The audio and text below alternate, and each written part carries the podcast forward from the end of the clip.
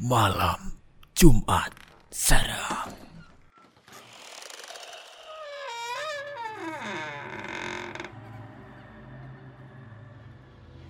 Entah karena terlarut dengan lukisan atau apa, Jesse memang sama sekali nggak memperhatikan sekitarnya.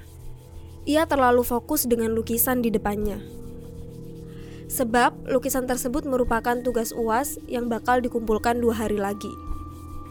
Makanya, mendadak ia menjadi cuek dengan sekitarnya. Bahkan, sampai Jesse pun gak mengetahui bahwa dirinya telah berada di ruangan tersebut sampai jam 8 malam. Tanpa pikir panjang, ia tetap mengoleskan kuasnya sedikit demi sedikit. Suasana yang makin sepi makin mencekam, membuat dirinya sedikit merinding. Ia sedikit melirik kanan kirinya, memastikan gak ada apa pun yang bakal mengganggu konsentrasinya lagi. Tapi baru saja Jessie tenang karena suasana yang sepi, ia malah dikagetkan dengan suara tangisan anak kecil. Suara tangisan bocah kecil semakin menjadi-jadi di telinganya.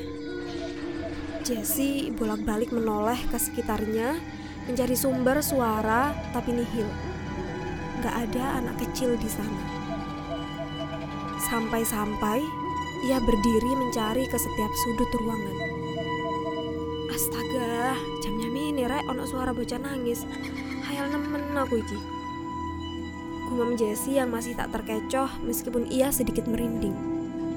Jessie kembali duduk menyapukan kuasnya. Entah kebetulan atau tidak, tiba-tiba kuasnya terjatuh ke lantai. Sontak, suara itu memecah keheningan di sana. Jessie menunduk mengambil kuasnya yang jatuh di bawah kanvas. Tiba-tiba saja, entah datang dari mana, ada seorang anak kecil yang sedang berdiri di depannya. Malam Jumat Serem.